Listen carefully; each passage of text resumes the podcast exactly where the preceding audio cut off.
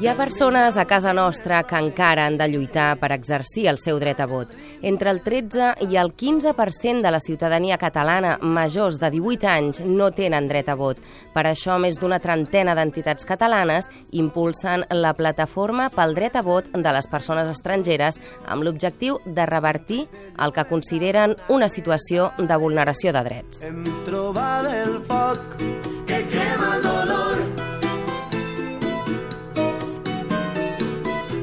Homo Valdegoiro té 22 anys i és d'Arbúcies. Ha nascut aquí, però els seus pares són del Senegal. No té la nacionalitat catalana i no pot exercir el dret a vot. És membre de l'associació Salt Antiracista i s'ha mobilitzat per la celebració del referèndum de l'1 d'octubre.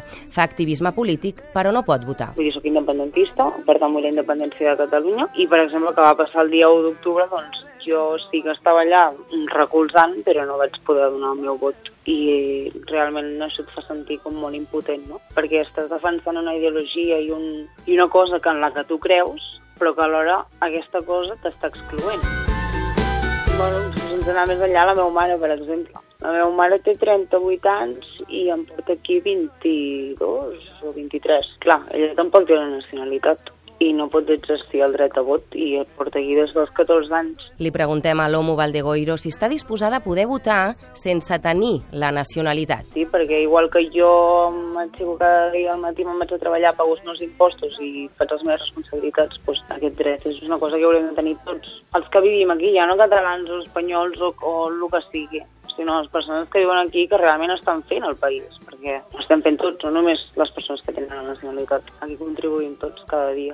La teua tendresa insumisa, el teu cor desobedient.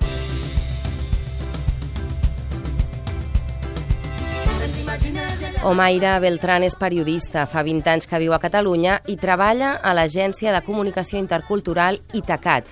Tot i que ella ara ja té la nacionalitat i podrà votar, s'uneix a la crida per exigir el dret fonamental al vot. Per exemple, jo, com moltes persones que hem, fet un periple d'emigració i que hem estat irregulars durant, durant molt de temps eh, i que finalment he pogut eh, obtenir la nacionalitat, diguem que aquest abans de, de no exercir aquest dret a vot feia part de totes les, les impossibilitats que tenia no, no ser una ciutadana en ple dret. Tu, si ets una persona que té una responsabilitat també ciutadana i així ja com que tens uns drets, tens uns deures, eh, crec que això és el que forma part de poder decidir, de poder exercir el dret a vot.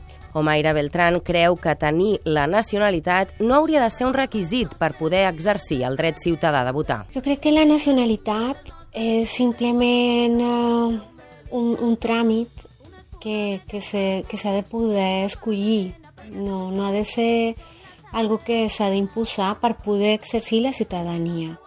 Hi ha moltes persones que, que han de perdre, jo no perquè sóc de Colòmbia i puc tenir doble nacionalitat, però hi ha moltes persones que han de perdre la seva nacionalitat per, per obtenir l'espanyola i per poder votar, però hi ha persones, per exemple, eh, conec famílies italianes que els seus fills han nascut aquí, han crescut aquí i que no poden votar perquè mm, han de ser, han de tenir la nacionalitat d'aquí i, i no ho faran perquè ja són europeus no? I, i no volen perdre tampoc la seva nacionalitat.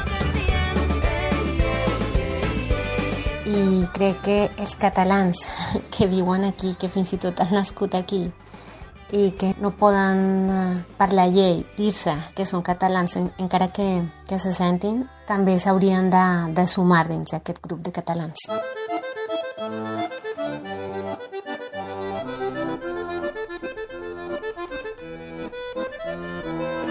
A l'estat espanyol, el dret a vot està vinculat a la nacionalitat amb una sola excepció, les persones amb nacionalitat europea i aquelles provinents de països amb acord de reciprocitat, però que només poden votar a les eleccions locals.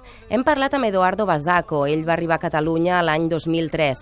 Va néixer a Milà, però la seva filla fa 3 anys que va néixer a Barcelona. Milita en la defensa dels drets humans a nivell local i internacional i forma part del Consell de SOS Racisme Catalunya.